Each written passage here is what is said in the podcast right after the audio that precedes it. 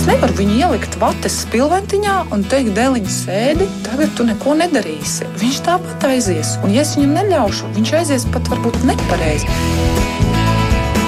Mēs tiekamies ģimenes studijā.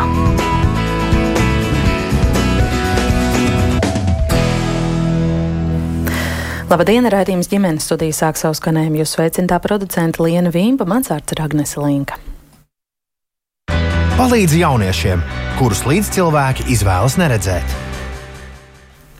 Labdarības maratons dod pieci šogad pievēršas problēmu jauniešiem, viņu pamanīšanai. Mēs meklēsim veidus, kā vairot atbalstu tiem, kam tas nepieciešams, pusauģiem un jauniešiem, kam ir eh, dzīvē kādas grūtības skolā, ikdienā, nelabvēlīgi apstākļi ģimenē un tam līdzīgi.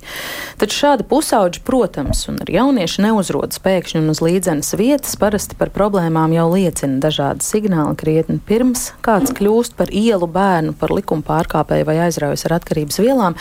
Pēdējos gados aizvien vairāk mēs apzināmies, cik svarīgi būtu tieši agrīni pamanīt iespējamas problēmas bērnu uzvedībā vai viņa sadzīves apstākļos, lai laikus tās arī tiktu risinātas tiešām lielāko daļu laika, nu tā tas realitātē ir, bērni parasti pavada skolā, vēl pirms tam pirmsskolā, vai šajā vidē iespējamiem riskiem pakļautie tiek pamanīti, kāda ir tālākā pedagoģa skolas personāla rīcība, ja skolēnam raksturīgas uzvedības problēmas, pasliktinās mācību sekmes.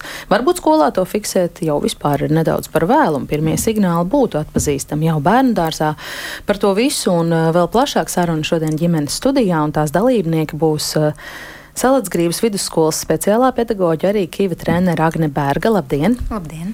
Arī tālmācības vidusskolas angļu valodas skolotāja Agnese Gromova Čurēna kopā ar mums šodien ģimenes studijā. Sveicināti!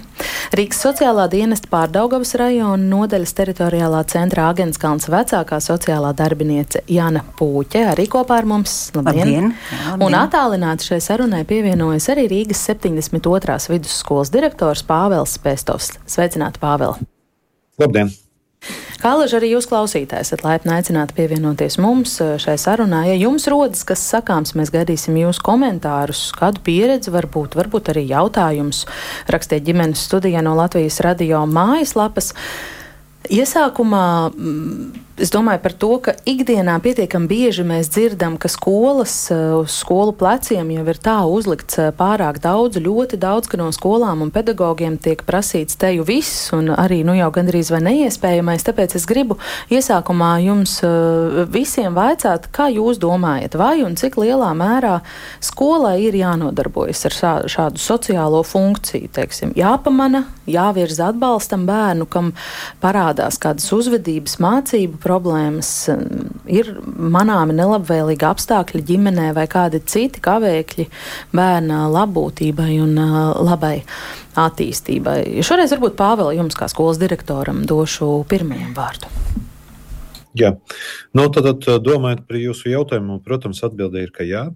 Šobrīd arī pilnveidotajā mācību satura ir diezgan uh, skaidri uh, parādās satura jautājumi, kas saistīti ar socioemocionālām prasmēm, kas agrāk varbūt nebija tik eh, precīzi iezīmēti, un katrs nu, varēja saprast to, saprast to ļoti daudzveidīgi, bet šobrīd eh, gan sociālas prasmes, gan emocionālas, eh, tātad sevis vadīšanas, tātad šādas lietas ir ieliktas saturā, Un līdz ar to skolai tikai nu, tad, uh, jāsaprot, kā to pilnvērtīgi īstenot. Un tas nav noteikti vienkārši, jo šajā gadījumā arī mainās, nu, piemēram, klases audzinātāja loma daudz lielāka veidā. Nevis tikai uh, nu, tādat, uh, pamanīt, ka saka, Jūs teicat arī savā ievadā, piemēram, par agrīnu pamanīšanu, kam es noteikti pilnīgi piekrītu, bet tur ir vēl viena, es teiktu, viens solis priekšā. Uh, Tātad proaktīva darbība, kad vēl nav problēmu vispār. Tātad, tad, kad mēs pārveidojam klases stundas, piemēram, un kur galvenā atbildība ir jau vienkārši normālajā procesā mācīties un apgūt gan uzvedības jautājumus, gan sociālas prasmes, gan emocionālas pašvadītas prasmes, kad vēl mums nav vispār nu, problēma, mums it kā viss ir kārtībā. Un tas ir tas, man liekas, kur mums, protams, vēl ir noteikts ceļš ejams. Ja, tāda tā skaidrība ir, bet īstenošana, es domāju, tur vēl daudz kas ir nepieciešams izdarīt reāli. Pastāstiet arī tad varbūt uzreiz nedaudz plašāk par to īstenošanu. Jūs sakāt, jā, tas nav vienkārši, kur slēpjas tā sarežģītība šajos procesos. Nu, sarežģītība, es, es, es teiktu, vairākas pakāpes. Tātad, pirmā pakāpe, ka noteikti ir tātad, arī skolotājiem, arī skolas vadībai ir jāapgūst nu, noteiktas jaunas prasmes, ja, kas eh, pirms tam nu, varbūt nebija tāda veida iekļautas arī tad, kad eh, kolēģi eh, mācījās augstskolas. Vienkārši nu, šādas, šādas saturiskas lietas tur varbūt parādīs daudz mazāk vai cita, cita griezuma.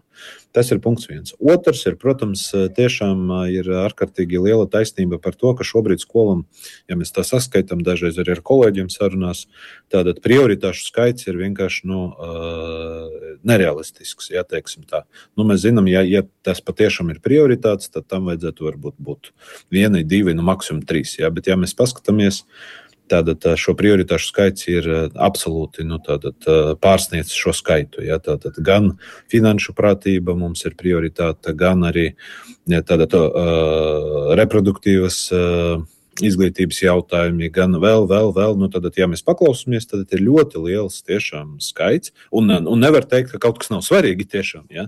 mēs, mēs gribam, lai skolēni būtu gan eh, finansiāli tātad, eh, gudri, gan būtu izglītoti par noteiktiem jautājumiem un tā tālāk. Ja? Tad, bet reālajos apstākļos eh, skaidrs, ka prioritāšu skaits ir par lielu. Tāda tā ir otrais, teiktu, nu, tāda, tā problemātika. Trešā, un tāpēc ir, ir sajūta gan klases audzinātājiem, gan skolai, gan skolas vadībai, ka visu laiku nu, mēs mēģinām notvert to vilcienu, kas tā kā. Nu, Aiziet, aiziet, ja? un, un, un, un tad pēkšņi vēl nāk vēl viena prioritāte, ja? un tad vēl viena. Un, un nu, sajūta ir tāda, ka mēs nekad nevaram paspēt. Un uh, trešā lieta, kas man liekas, ir tāda ilgtermiņa un hroniska lieta, tomēr uh, tāds eh, skaidrs uh, tiesisks regulējums ar atbildībām nu, šobrīd uh, vēl iebuksēs, teiktu. Ja, tad uh, atbildības starp vecākiem, klases audzinātājiem, vadības un, un arī ārpus tātad, kolēģiem, kad pieslēdzas tādos akūtos gadījumos, nu, es tur noteikti redzu, lai, lai ir būtu nu, tāda lielāka skaidrība Un, nu, piemēram, ja, tātad, un, ja mēs pamanām problēmu, mēs sarunājamies ar vecākiem, tad es domāju, ka nav pieļaujama nu, situācija, kad vecāks saka, ka man vienkārši ir aktīvs bērns, viss jau ir kārtībā, jā, vai, vai arī cita. Jā, bet nu, mājās viņš jau nav tāds, nu, tā ir tur vat, skolā kaut kas tur nenotiek, tāpēc viņš tur ir agresīvs vai vēl kaut kas, vēl kaut kas. Nu, pie, pie, šādas, pie šāda scenārija, protams, nākamie soļi ir ļoti, ļoti apgrūtināti praksē.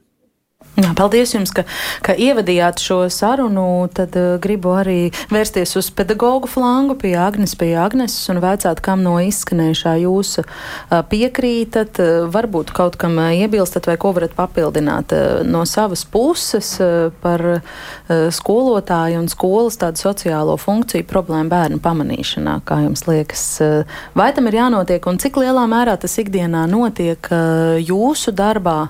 Eh, jūsu pārstāvētajā mācību iestādē? Agne. Jā, es noteikti, es noteikti piekrītu par šīm, domājot par šīm prioritātēm, kas tiek skolās izvirzītas ārkārtīgi daudz. Uh, tomēr, uh, domājot no tādas varbūt praktiskās puses, uh, manuprāt, prioritāte vienmēr ir bērns.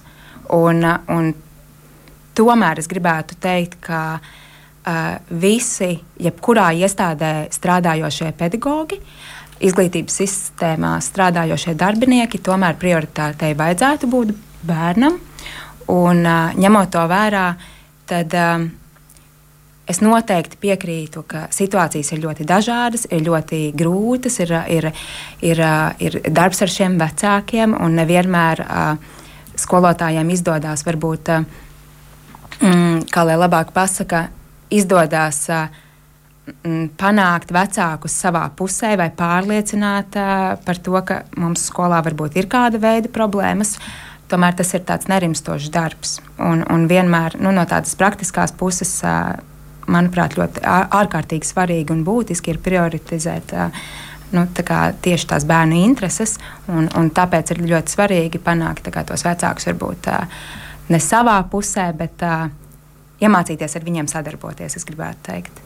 Mm -hmm. Droši vien, ka man arī jāiestarpina, ka šodien mēs gribam uh, tiešām dot pieci tematikas kontekstā runāt par bērniem, kurus mēs uh, kaut kādā lielākā vai mazākā mērā varam dēvēt par novārtā atstātiem.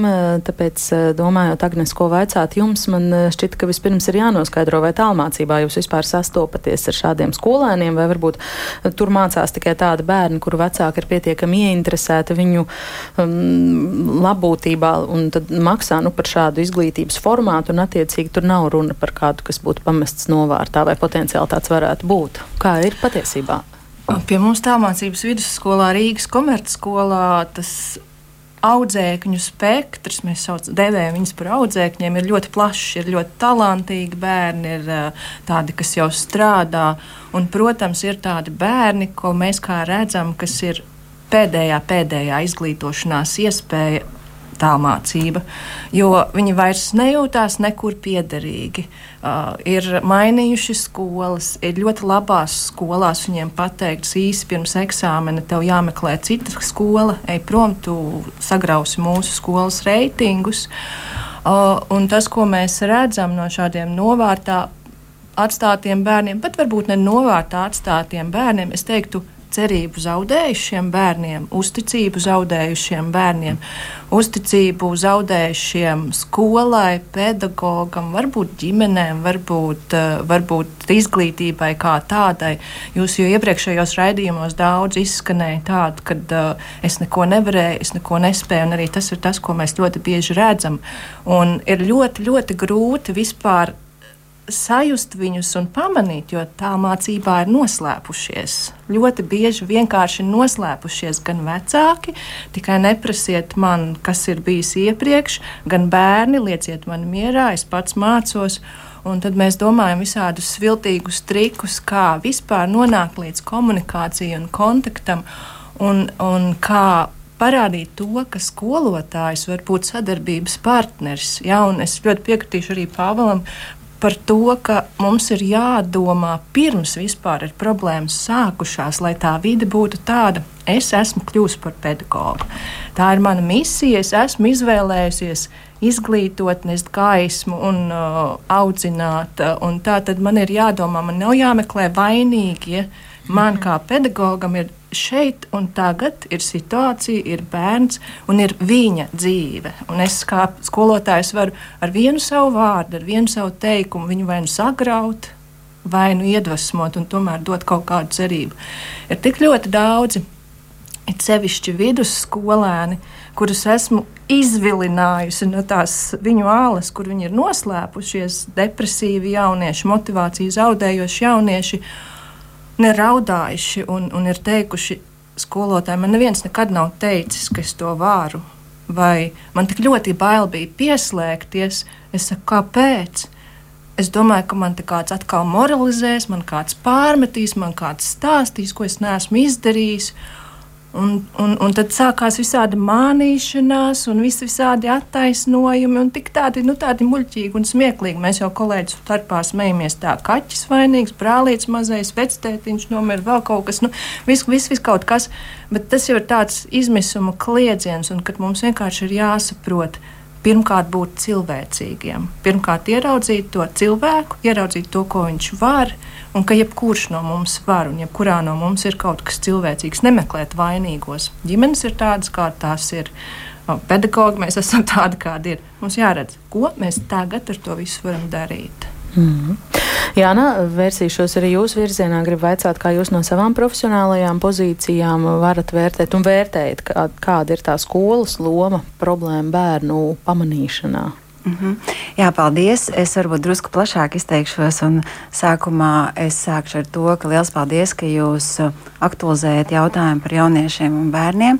Lai kā arī nebūtu, un lai cik skumji dažkārt tie stāsti izklausās, bet viņi ir simt punktu kāds no viņiem būs mūsu nākamais dakteris, vai sportists, vai, vai roka mūziķis, vai, vai es nezinu, politiķis arī esmu cieši pārliecināta par to, kāpēc es esmu par to pārliecināta. Kaut kādu krietni laika atpakaļ runāju ar vienu pašvaldības policijas priekšnieku, kurš teica, nu, Es padomju laikos arī nokļuvu policijas bērnu istabā, lai kas tas arī nebūtu. Es nezinu, bet pēc tam viņš, viņš tā kā nu, sakoncentrējās jau no tā ielu bērna, no tāda likuma pārkāpēja, kļuva par policijas darbinieku. Tā par to es esmu pilnīgi pārliecināta, kas dod arī, nu, tā kā es domāju, mums, kas strādā ar bērniem nu, spēku. Ja, vispār, kāpēc mēs to darām? Ja, pārliecību, ka būs labi. Uh, par skolām arī dzēnu un par tiem bērniem, kā ir. Es pilnīgi, pilnīgi piekrītu skolas direktoru kungam par to proaktīvo uh,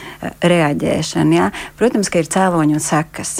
Un bērns, kurš 14, 15, 16 gados nemācās, tās jau ir sekas, un cēloņi ir sākumā.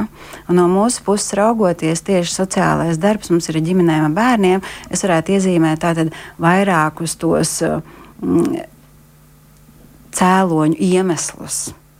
Eh, kāpēc mēs nonākam līdz sekām, ka bērns nespēja, nevar vai negrib mācīties, vai viņam nav spēka mācīties?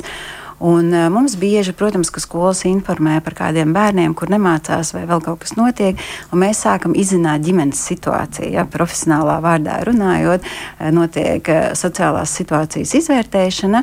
Bet vienkāršāk runājot, mēs iepazīstamies ar ģimeni, apzinām, kādas ģimenē ir grūtības, kādas vecākiem ir prasmes, vai gluži pretēji nav prasmes, un mēs varam sadalīt vairākās kategorijās šos iemeslus. Uh, Viens no tiem ir uh, vecāki, kuri paši nāk no disfunkcionālām ģimenēm un kuriem izglītība nav vērtība. Viņi paši ir ārkārtīgi mocījušies skolā, knapi izvilkuši to padomu laikos, astoto klasi, un viņi kaut kādā mērā neapzināti pat nenovēl bērniem tos grūtības. Un mums ir bijis tā, ka mums sēž mamma, biežāk mamma nekā tētis blakus, un viņi tas. Uh, 15 gadnieks ir 5. vai 6. klasē, vai 17 gadnieks 8. un 9. klasē, un ir vairākus gadus palicis vienā un tajā pašā klasē. Un tas laiks, kad bērns iemācās mācīties, sen ir pagājis. Un tajā brīdī cīnīties ar sekām, ar to, ka viņš iespējams neiegūst to pamat izglītību, ir ārkārtīgi grūti. Ja vispār mēs varam lietot vārdu cīnīties, mm. un tā māma arī sēž ar nolaist galvu un saka, bet man arī bija tik grūti mācīties, un viņi nevar mācīties. Kam bija jānotiek pirms tam? Jūs sakat, ir tas viens brīdis, kad mēs saprotam, nu, ka ir ļoti grūti vai neiespējami gandrīz. Jā, man, es domāju, ka es arī Tā tad ir pirmskolas obligātā izglītība. 5, 6 gadu bērni, kas dārziņā sāk mācīties cipariņas, burtiņas, jo skolu šobrīd jāaiziet jau mākot lasīt. Es domāju, ka tas eh, preventīvais un proaktīvais darbs ir šajā 5-6 gadu vecumā, lai mēs lēnā garā sākam ķert ārā, jo ir jau arī daudz bērni, kuriem uh, ir grūtāk uztvere, kuriem lēnāk vajag mācīties, kuriem troksnis apkārt traucē. Daudz dažādi tie blakus apstākļi un aspekti, kāpēc viņš nevar mācīties. Tajā brīdī, kad pirmskolas izglītības iestāde to pamanītu, būtībā ir jātaisa atbalsta bloks pie nosacījuma, ka vecāks nav resurss bērnam, sanāk tā, ka tad tai sistēmai, mums visiem apkārt, kas esam bērniem un palīdzam uzaugt, mums arī ir jābūt tam atbalsta blokam. Kas vēl tajā atbalsta blokā bez sociālā dienesta iesaistītos, ja mēs runājam tieši par šo pirmsskolas vecumu?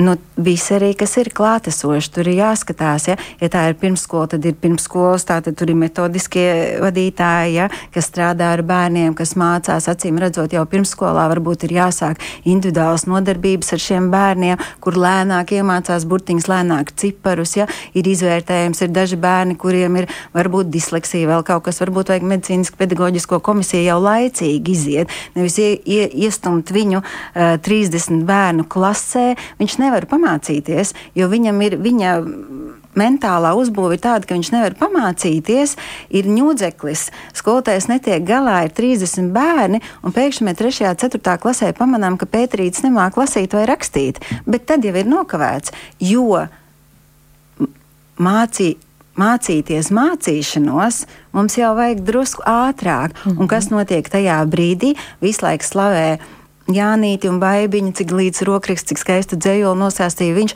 o Pēterīts visu laiku, o, man neko nepasaka, kas sākās negatīvā uzmanības pievēršana. Pamaniet mani, mm -hmm. viņi sāk blēņoties. Viņš blēņojās, skolotāji dusmīgi, o, pamanīja. Skolotāji pasauc mammu, mamma atnāk dusmīgi, o, mani pamanīja. Ja, tā ir tā negatīvā mm -hmm. uzmanības pievēršana. Tas ir viens, es vēl pabeigšu ātri, ja?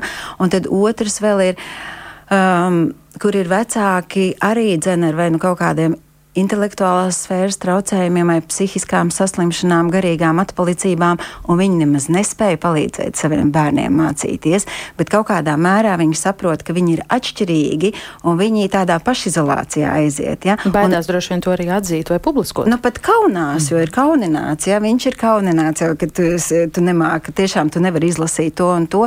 Nu, lūk, un es domāju, ka šeit ir sistēmām pirmkārt ātrāk jāsaslēdzās kopā. Tā ir tā starpinstitucionālā un starpprofesionālā sadarbība, un jāsaprot, ka šo te pēterīti kaut kādā mērā izmācīties iegūt deviņas klases, palīdzēsim mēs. Mm -hmm. nu, tad iesim nākamo apli, sākšu atkal ar Pāvilu. Tad jautājums jums, izējot no Jānis stāstītā, tad, ja pie jums nonāk pirmklasnieki komplektiņos pa klasēm, ja katru gadu, tad teorētiski kādiem no šiem bērniem būtu jānāk līdzi, nu es nezinu, tas jē no pirmsskolas par to, ka viņam šāds papildus atbalsts ir vajadzīgs, vai tas tā notiek? Nu, redzēt, te, te vienmēr ir tomēr jāskatās bišķiņa mūsu sabiedrības, kas saka, vēsturiskai pieredze, un, diemžēl, tas, tā, tā vēsturiskā pieredze nav diezko laba. Ar ko es ar to domāju? Tad ir bijušas arī izglītība diezgan plašas diskusijas. Vai no pirmskolas vajadzētu nodot šo informāciju skolām, vai arī par to jālemj vecākiem. Ja, un šobrīd par to lemj vecāki. Un tas ir, eh, nu, saku, tam ir savi, savi saka, savs arī pamatojums. Jā, jo tas pamatojums bija saistīts ar to, eh, ka vecākiem ir eh, nu, tāds uztraukums par to, ka bērns tik, tiks stigmatizēts. Kas saka, jā, jau jaunajā vidē. Apzīmogots arī varam teikt, vai ne? Jā, jā, jā, jā tieši tā.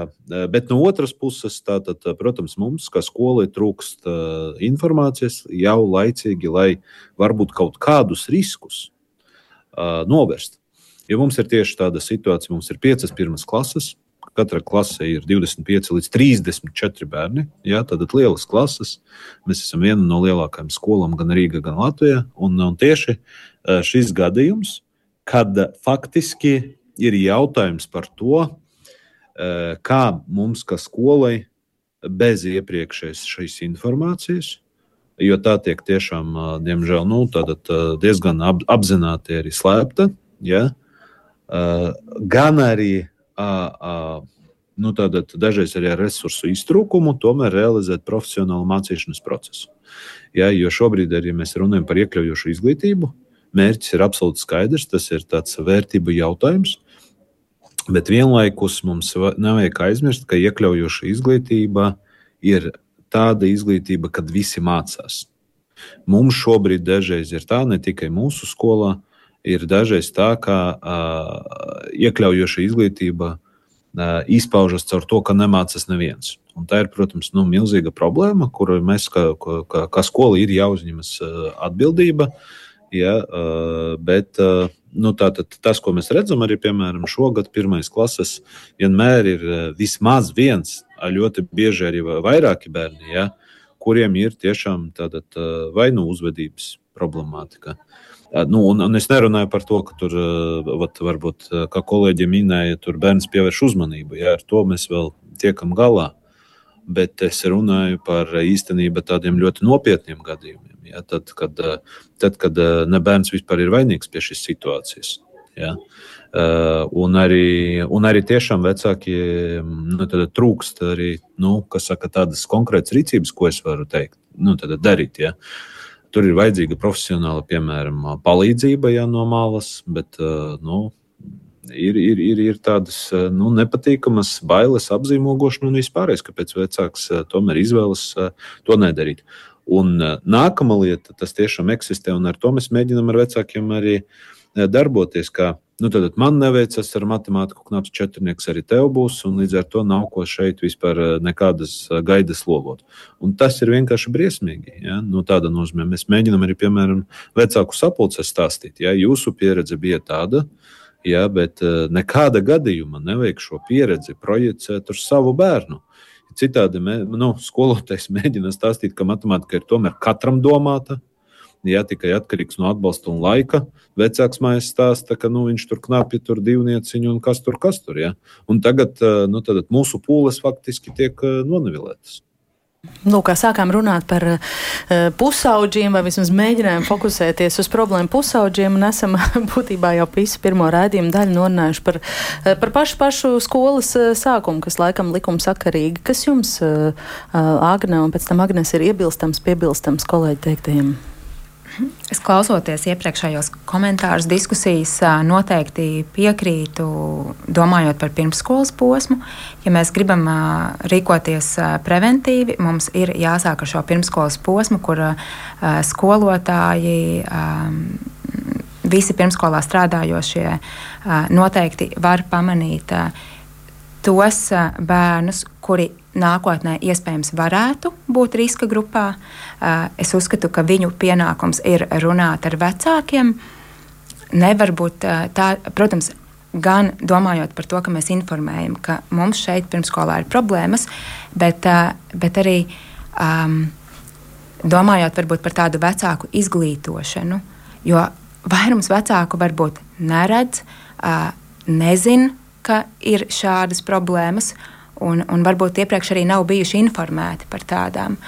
Un, un, jā, šeit ir šeit ārkārtīgi būtiski ir, ir veidot šo sadarbību saulaicīgi, jo brīdī, kad skolēns ar problēmām atnāk uz pirmo klasi un skola par to neko nezina, vecāks varbūt iepriekš pirmskolā ar, ar vecākiem nav bijis runāts par, par konkrētajām problēmām, tad paiet aptuveni gads.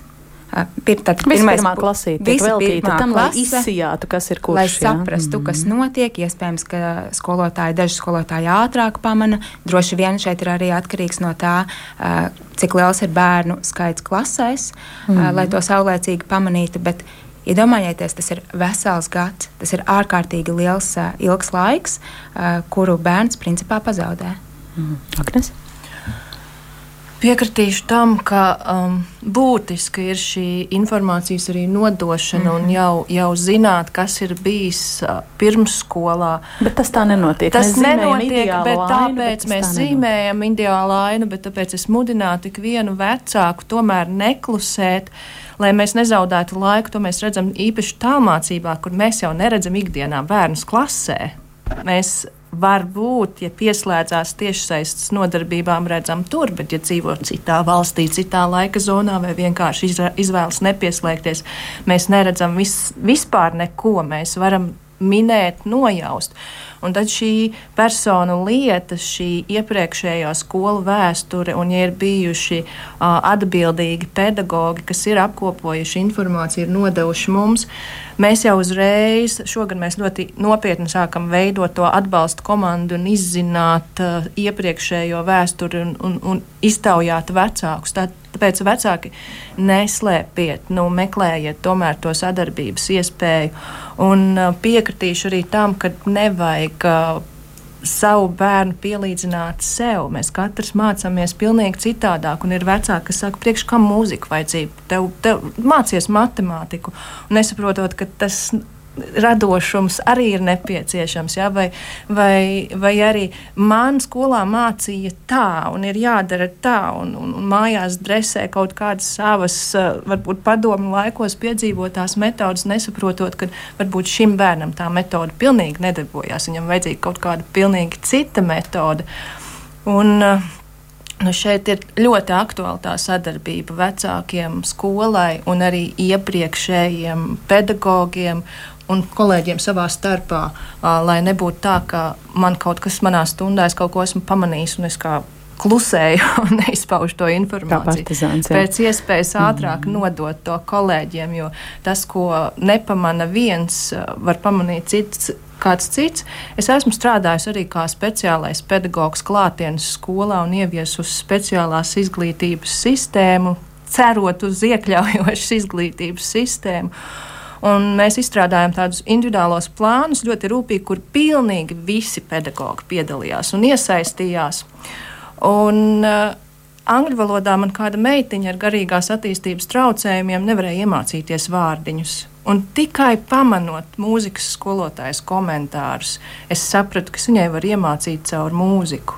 Es sāku dungot, mēs dziedājām vārdiņus. Man atlika vienkārši dungot melodiju, un bērns sāka saukt vārdiņus ja man nebūtu informācijas no mūzikas skolotājas, es nezinātu, kā, kā, kā iemācīt angļu valodu. Ja? Tāpēc mm. šī sadarbība, katra vismazākā nianse ir būtiska.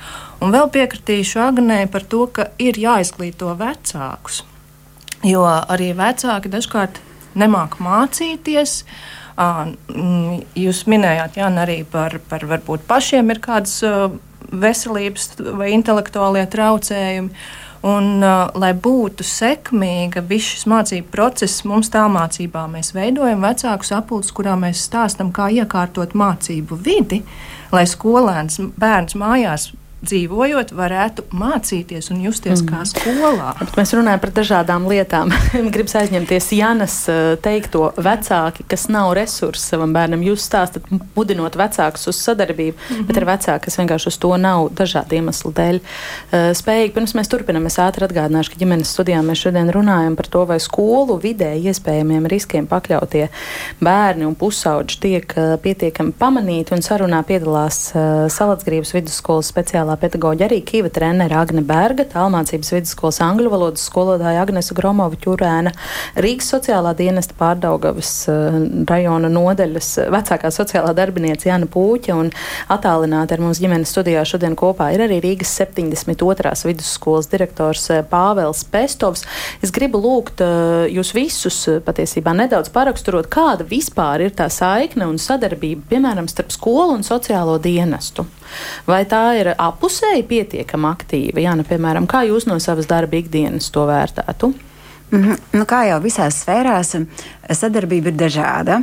Ir īstenībā katrā, man liekas, institūcijā savas ties, mm -hmm, kāds ir pareizais vārds, uh, tradīcijas. Kā mēs veidojam sadarbību ar citām institūcijām. Mums ir daž, dažas skolas, kas ir ārkārtīgi aktīvas, kas ļoti laicīgi ziņo, uh, kuras iesaistās, prasa, vai, jūs, vai šī ģimene ir jūsu redzes lokā, uh, kā klājas tur mammai, kā citiem bērniem, kā tētiem. Tad skolas sociālais pedagogs saprotot apmēram to ģimenes modeli, kas tur ir, um, attiecīgā formā vai veidā arī iesaistās. Ir reizēm tā, ka, protams, mēs saņemam pret pavasari vēstuli no skolas, ka kādam bērnam ir ārkārtīgi daudz stundu kavējumu, lūdzu iesaistieties. Ir jāsaprot, ka iesaistīšanās šādu situāciju risināšanā nenotiek ātri.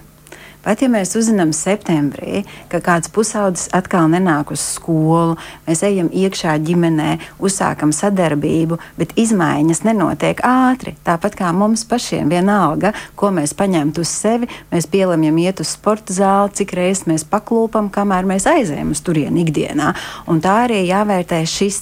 Tā ka modeļi ir ļoti dažādi, bet tāda mana cieša pārliecība, ka tieši tā starp institucionālā sadarbība ir viena no efektīvākajām efektīvākajiem veidiem. Kāpēc? Tāpēc, ka, ja ģimenē jau tā trūkst iekšējo resursu, mums ir kopīgi jāvienojās par uzdevumiem vecākiem, par uzdevumiem bērniem, par uzdevumiem sociālam darbiniekam, sociālam pedagogam. Ja skola teiks mammai septiņus uzdevumus, kas tev jādara, bet to paziņos vēstulē sociālam darbiniekam, mēs tagad arī, nu kā, protams, mums ir kaut kas jādara, taisam rehabilitācijas plānu, mēs vēl mammai uztaisam septiņus uzdevumus pie psihologa, ja ir, ja ir atkarības bērnam pie atkarību profilakses speciālists. Mums ir īstenībā ļoti forši pusauģiem. Um, programmas, eh, programmas rehabilitācijas ar uzvedības traucējumiem. Tur bērni sāk iet, bet arī tas ir laiks. Tad vecākam uz turieni jāaiziet sarunāties, un vienkārši tāds vājāks vecāks nobrūk un labāk noslēpjas, nedarīs neko.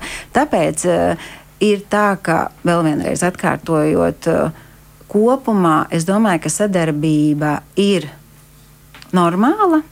Jūs tā diplomātiski to tagad ir normāli. Nē, būt labāk. bet arī vienmēr varētu būt labāk, bet tā mana arī dzene, uh, es redzu, kā kolēģi strādā.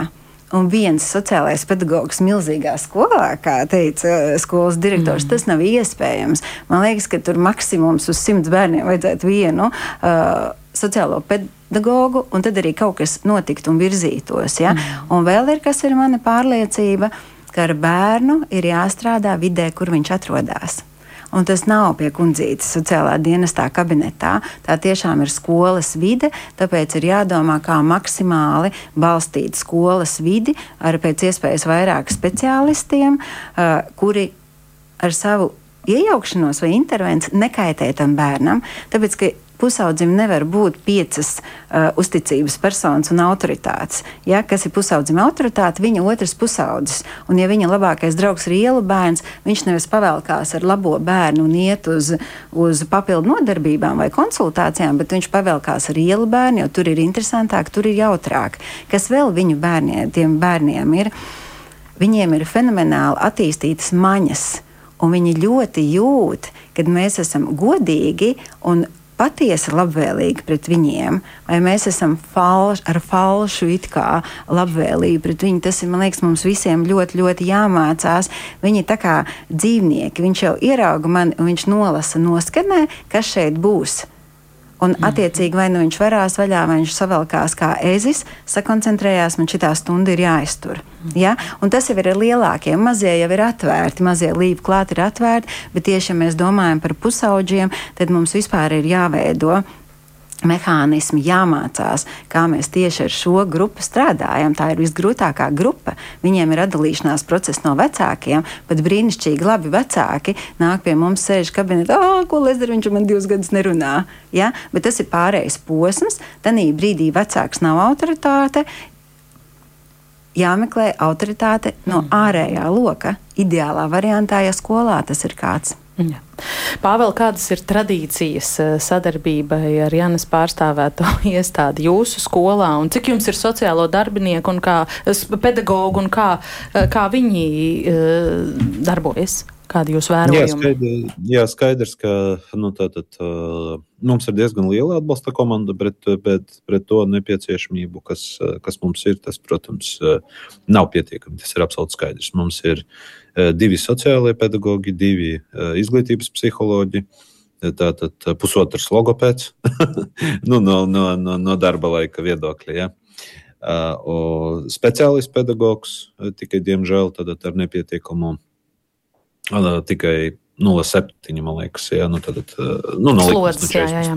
Rēķinot, jā, no slodzes, jā, rēķinot, jā. Uh, nu, Tāda nozīme, tas, tā, tā bija arī mana prioritāte šo komandu spēcināt. Un, nu, mēs esam gan paplašinājuši, gan spēcinājuši šo komandu. Bet atbilde ir absolūti skaidra, ka tas nav pietiekami pret šo situāciju, pret šo realitāti, kas mums ir. Ir tādi gadījumi, kad mēs vēršamies uz šo starpinstitucionālo sadarbību.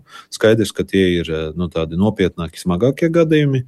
Jo pirmais, nu, ir, protams, mēs paši.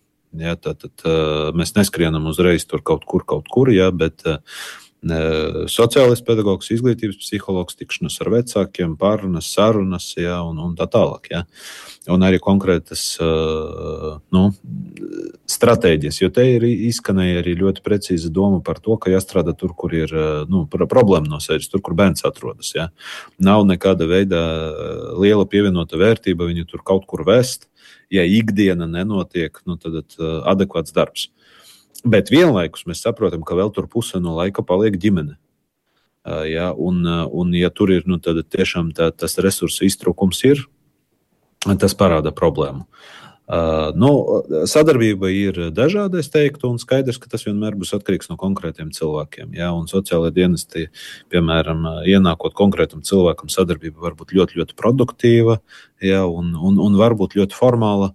Kur sociālais darbinieks apmeklējot ģimeni, paskatās, vai leduskapī ir ēdiens, un ar to tad, nu, mēs uzskatām, ka tiek nodrošinātas pamatlietas, kas kaut īstenībā nu, klāta ēdienam un apģērbam, tur vēl vajadzētu nākt arī nu, audzināšanas daļai. Ja? Bet nu, vēlreiz atkārtošu, tas vienmēr un droši vien tur mēs. Nu, saka, cilvēku faktors būs izšķirošais, ja?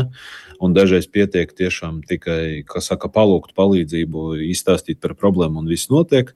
Kādreiz tur ir nepieciešama tiešām nu, tāda, saka, vai, vairāk aktualizēšana, lai, lai pieslēgtu resursu arī no ārpuses. Vai šādās situācijās, un tas jautājums arī būs uh, abām dāmām no pedagoģu flanga, vai šādās situācijās jūs kaut ko darot, jūs vai jūsu kolēģi kaut ko darot, nenonākat konfliktā ar tiem vecākiem, kas šo var uztvert kā tādu noziņošanu vai, vai, vai nodevību, viņu ģimenes nodevību par mums paziņoja sociālajiem dienestam?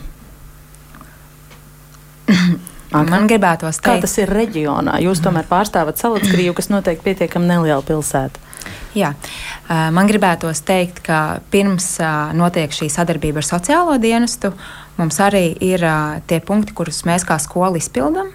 Mums ir tātad droši vien sākumā mēs tiekamies konkrēti ar skolēnu, vairākas reizes, pēc tam ar vecākiem. Ja tas neiet krastā, tad pēc tam mēs jau iesaistām varbūt sociālo dienestu. Bet ko es gribu teikt, ka arī iesaistot sociālo dienestu, um, visi šie procesi patiesībā ir ļoti lēni. Nevis tāpēc, ka varbūt kāds kaut, nede, kaut ko nedarītu, bet uh, lai mēs izmainītu kāda veida uzvedību vai, vai, vai, vai um, mm, nezinu, kā varbūt precīzāk pateikt, jā, bet lai mēs izmainītu um, to veidu, kā mēs esam rīkojušies līdz tam brīdim, uh, to ir ļoti grūti. Tas prasa ļoti ilgu laiku, un, un, un mainīt uh, ģimenēs kaut kādus konkrētu veidu paradumus ir ārkārtīgi grūti. Bet, uh, manuprāt, vēl aizvien ir ārkārtīgi būtiski uh, atcerēties, ka nevienmēr uh, šis resurss iespējams ģimenēs. Un, un, un tad es vienmēr kā, paturu prātā tādu tā kā, nezinu, domu priekš sevis. 50% ir, kur vecāki sadarbojās, otri 50% ir tā skola. Un, ja tie 50 vecāku procenti iztrūkst, tad tai skolai ir jāstrādā uz 100%, kas nozīmē, ka nevis tajā brīdī, kad mums ir problēmas un mēs jau ziņojam sociālajiem dienestam, tas nozīmē, ka pirms tam ārkārtīgi būtiski, ka tas eh, skolotājs klasē ir pamanījis to skolēnu, ir uzrunājis viņu, un, un, un, un tas skolēns ir sajūtis to atbalstu arī no tās skolas puses, un varbūt tas ir tā, tā ir tā panākuma atslēga, kādā veidā viņu motivēt. Sajūtas atbalstu, nevis moralizēšanu, kā Agnēs jūs teicāt, ar ko jums nākas sastapties. Jā, lai nav jābēg. Uh, Es pilnīgi piekrītu to, ka mums ir skolā jāstrādā ļoti bieži uz 100%. Ja iepriekš teicāt, ka mēs esam aizgājuši no tēmas tālmācībā, tomēr tas ģimenes atbalsts ir. Jo maksas skola, un tomēr ir ve vecāki ir tie, kas maksā, un tomēr viņi ir ieinteresēti, lai saņemtu kvalitatīvu pakalpojumu pretī Bet samaksāt. varbūt viņi grib samaksāt un novērsties o, vispār no šīs problēmas. Tagad kāds tur datoru lodziņā manu bērnu mācīs, tas būs ļoti individuāli, nebūs lielā ļaunā skola tur ar 34 bērniem. Dažkārt tā ir. Dažkārt tā ir, dažkārt mēs to arī redzam, bet mēs arī strādājam. Nevelti mūsu direktori vienmēr ir teikusi, ka mēs cenšamies nodrošināt personalizētu un individualizētu pieeju, jo Mēs tiešām strādājam mm. viens pret viens, ja mēs redzam, ka nevar kopā. Bet ko jūs darat tiešām... tad, ja jūs jūtat, ka jūs ciešat fiasko? Jūs arī kādreiz ejat uz starp institucionālu Mums sadarbību? Mums ir ļoti reti bijuši. Ir bijuši gadījumi, kad mēs sadarbojamies ar uh, sociālo dienestu un ir jau bijuši sarakstas, bet tad visticamāk jau, ka tur ir bijuši arī kaimiņi iesaistīti un kāds kaut ko redzējis. Jo redziet, nu, tālmācībā mēs jau tos bērnus neredzam skolas vidē. Nu, ja. un, un tie bērni ir visā, ne, ne tikai visā Latvijā, bet visā pasaulē. Un, un tomēr tā ir skola. Tā, tā ir skola, ir, tā, tā tomēr ir milzīga. Skola, jā. Jā tā skola ir, un tāpēc mēs arī šogad ļoti aktīvi strādājam pie atbalsta komandas nostabilizēšanas un paplašināšanas, un arī uh, sociālais pedagogs ir uzsācis sadarbību ar, ar tām ģimenēm, kurās uh, redz, ka ir mazāk aktīvi. Mums ir būtībā vairāk tādu flangu, mēs cenšamies vairāk skolas ietveros strādāt uz to maksimumu. Ir pirmkārt uh, vadības direktors vietnieces atbild katru par kaut kādu noteiktu klašu grupu, kā kuraktoris viņas visu laiku uzmana, kādas ir sekmes.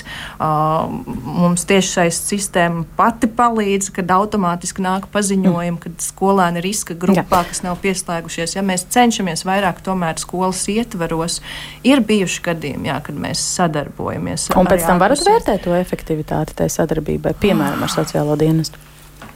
Es varbūt neesmu kā angļu valodas skolotāja. Tas nav tik daudzskaitlīgi arī, lai jūs to jā, varētu tas vērtēt. nav tik daudzskaitlīgi, jā. Mm. Laiku taupot, kas vairs nav daudz atlicis, iesim uz uh, priekšu. Es gribu vēl uh, pavaicāt, uh, nu, pavisam godīgi, vai jūsuprāt var teikt, ka mūsdienās mēs vairs negrēkojam ar tādu kā nērto problēmu skolēnu norakstīšanu? Saka, tas ir no tādas nelabvēlīgas ģimenes, nu, tur nav ko cerēt, ko no viņa var gribēt, vai šādu attieksmi joprojām skolās, piemēram, Jāni, jūs vērojat? Um, sadarbojoties ar savu klientu loku, un cik izplatīta ir tā stratēģija problēmu bērnus censties no skolas dabūt prom, lai kāda cita mācība iestāde tad ar to labāk nodarbojas. Mm -hmm. nu, es būšu pavisam godīga. Jā, tieši to es arī lūdzu. un, eh, protams, ka mūsu redzes lokā nonāk bērni, kas bieži maina skolu. Tas ir fakts. Un, protams, ka visu laiku mainīt skolu, tā kā mums visu laiku būtu jāmaina dzīvesvieta vai visu laiku būtu jāmaina vīrs vai sieva, ir ārkārtīgi sarežģīti. Protams, ka tas bērnam ir ļoti, ļoti traumatiski. Un atkal atgriežoties pie tā, es arī dzirdu pedagogus, tur ir tā otra puse, kas atkal būtu cita diskusija un plašāk jāskatās, jo pedagogi atkal satraucās, ja mums ir 30 bērnu klase un divi bērni ir iespējams ar UDHS vai kādām citām grūtībām, uzvedības deficītu un skraidu un ir nemierīgi tad it kā tie bērni, kur varētu mācīties, viņiem arī grūti ir to darīt kur ir koncentrēti, kur spēj mācīties, bet bērns ir bērns un viņam novēršās uzmanība. Jā, mums Līdz... tāds viens komentārs ātri iestarpināšu, Jā. ka kamēr skolotājs auklējas ar tiem grūtajiem, tikmēr visa pārējā klase cieš un normālie redz, ka mūsdienu sabiedrībā var darīt, ko grib un viss ir slikti. Nu, ļoti ilustratīvi laikam. Jā, ne? bet redz, kas ir arī ļoti precīzi komentētājs pateica, mēs visi esam vienā sabiedrībā. Mēs visi ārkārtīgi gudrie, ārkārtīgi skaistie, mēs esam arī to bedīgo un žēlīgo sabiedrības daļu. Un mūsu šo te varošo pienākums ir kaut kādā mērā palīdzēt nevarošam. Tas ir, man liekas, nu, mūžī, mūžības un mūžīgs jautājums, ka stiprākais vienmēr palīdz vājākam. Un šajā brīdī es, es nezinu, es domāju, ka man ir grūti arī komentēt par pedagogiem, jo visdrīzāk jau.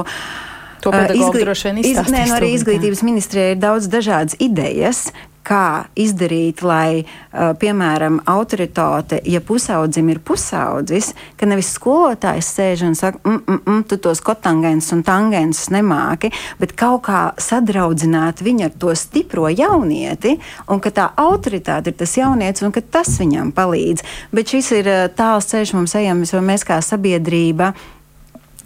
Mēs ļoti norobežojamies no citu grūtībām. Mums ir mājās labi, viss, man ir brīnišķīgs, skaists, smuks bērniņš, un ātru blakus kaut kas ir, un viņš stāsta par kādu klases biedru, o, o, o mēs mm. izstāstam, nu nē, ar viņu nedraudzējies un tā.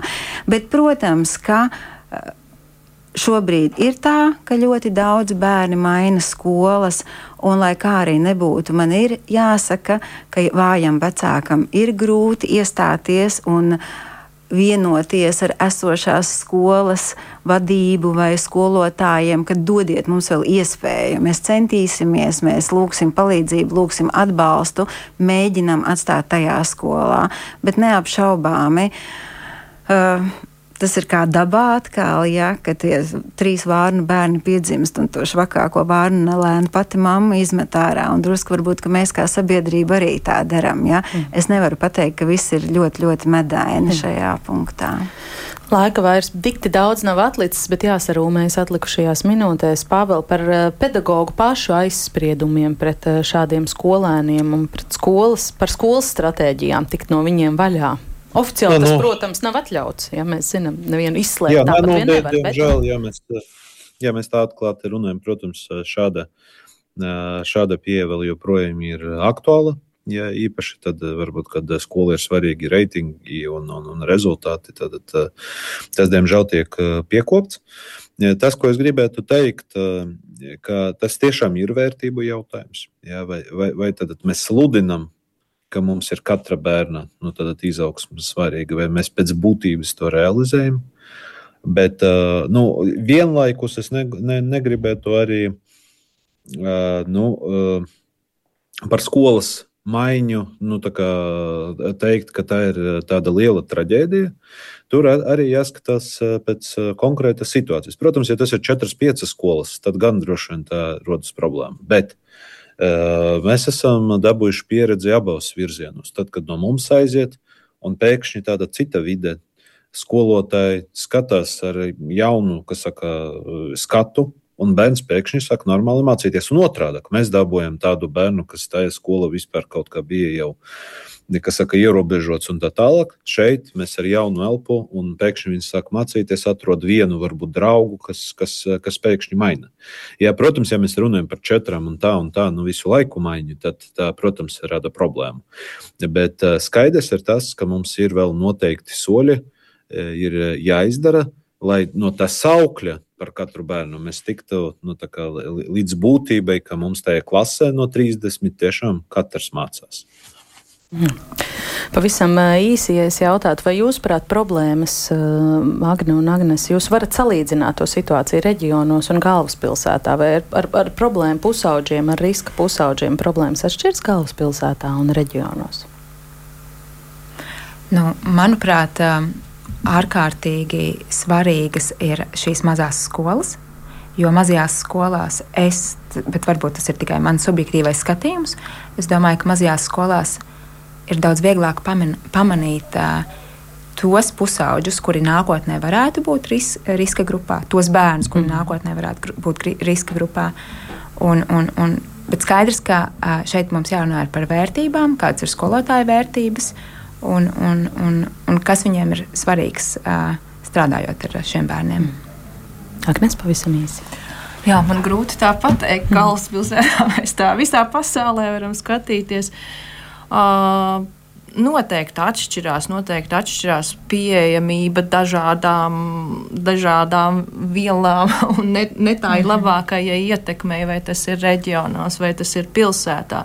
Noteikti pie, atšķirās tie stereotipi, kā tev ir jāģērbjās pilsētā esot, vai kā tu vari atļauties laukos, un tas jau viss veido kaut kādu ietekmi un, un kā tas pusaudzis uzvedīsies un izpaudīsies tā mācībā tas varbūt ir tāds sarežģītāk un grūtāks, grūtāk saprotams. Jā, bet, um, Man vēl gribētos arī varbūt iet virzienā, bet tam droši vien veltīsim sarunu kādā citā reizē ģimenes studijā par to, ko uh, Pāvils teica. Numur viens patiesībā pašā raidījuma sākumā, ka skolotājiem, arī jūsu pedagogiem būtu jāapgūst arī tās jaunās prasmes. Un tad nu, jautājums, kur to var izdarīt, vai tie ir atsevišķi projekti, vai tas ir kaut kas visaptverošs, kas ļauj m, to paradigmas maiņu ieviest vienmērīgi visā, m, visās Latvijas skolās. Arī uz vairākiem klausītāju jautājumiem, kas šeit uh, ir tikuši mūsu ziņojuma monitorā uzdot, mēs jau nevilšus atbildēt dzirdējām, bet noslēdzot sarunu, es nolasīšu, kāds klausītājs rakstīto mana paziņa strādā bāriņtiesā ne Rīgā. No viņas dzirdu stāstus par nelabvēlīgām maznodrošinātām ģimenēm, kas bāriņtiesas un sociālās dienestu redzeslokā nonāk novēloti.